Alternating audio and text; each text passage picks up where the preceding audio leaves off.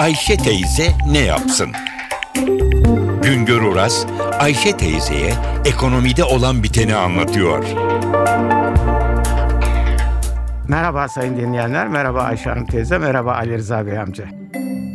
Bugün size tarımda makineleşme konusunda bilgi vermeye çalışacağım. Efendim tarımda makineleşme demek insan gücünden makineye geçiş demektir. Her makine bir veya birkaç kişinin işini elinden alır normal olarak. Bunun yanında da belli ölçüde parasal harcamayı gerektirir. Makineleşme eğer daha çok üretim, daha kaliteli üretim almaya imkan veriyorsa çok iyidir. Bizim ülkemizde tarımda çok sayıda makine, alet ve edevat kullanılıyor. Ama Türkiye Ziraat Odaları Birliği'nin verdiği bilgilere göre genellikle 85 dolayında en fazla kullanılan makine ve alet 85 dolayındadır. Son 5 yılda makineleşmede en fazla artış meyve hasat makinelerinde görülmüş. Rakam ilginç. 5 yıl önce 320 meyve hasat makinesi varken bu makine sayısı 4119'a yükselmiş. Daha sonra işte motorlu tırpan, yem dağıtıcısı, römork, taş toplama makineleri gibi makinelere ilgi artıyor.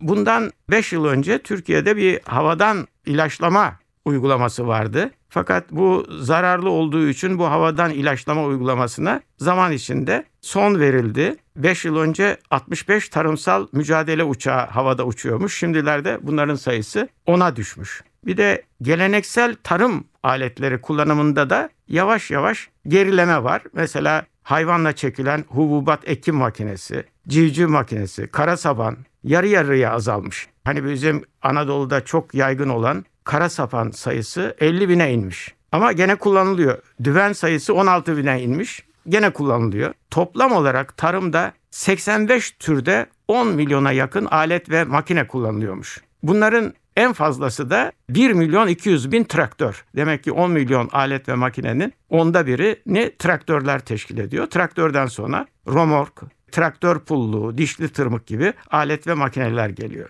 Bu konuyu sadece tarımın makineleşmesi yönünden almayalım. Tarımda kullanılan alet ve makinelerin artması Türkiye'de aynı zamanda bir tarım alet ve makineleri sanayinin gelişmesine imkan verdi bugüne kadar. Önce ülke ihtiyacını karşılayan bu sektör şimdilerde ihracata yöneldi. Dış pazar içinde üretim yapıyor. Yani makineleşme hem tarımda bir gelişmeye hem de tarım alet ve makinelerin sanayinde bir gelişmeye imkan verdi.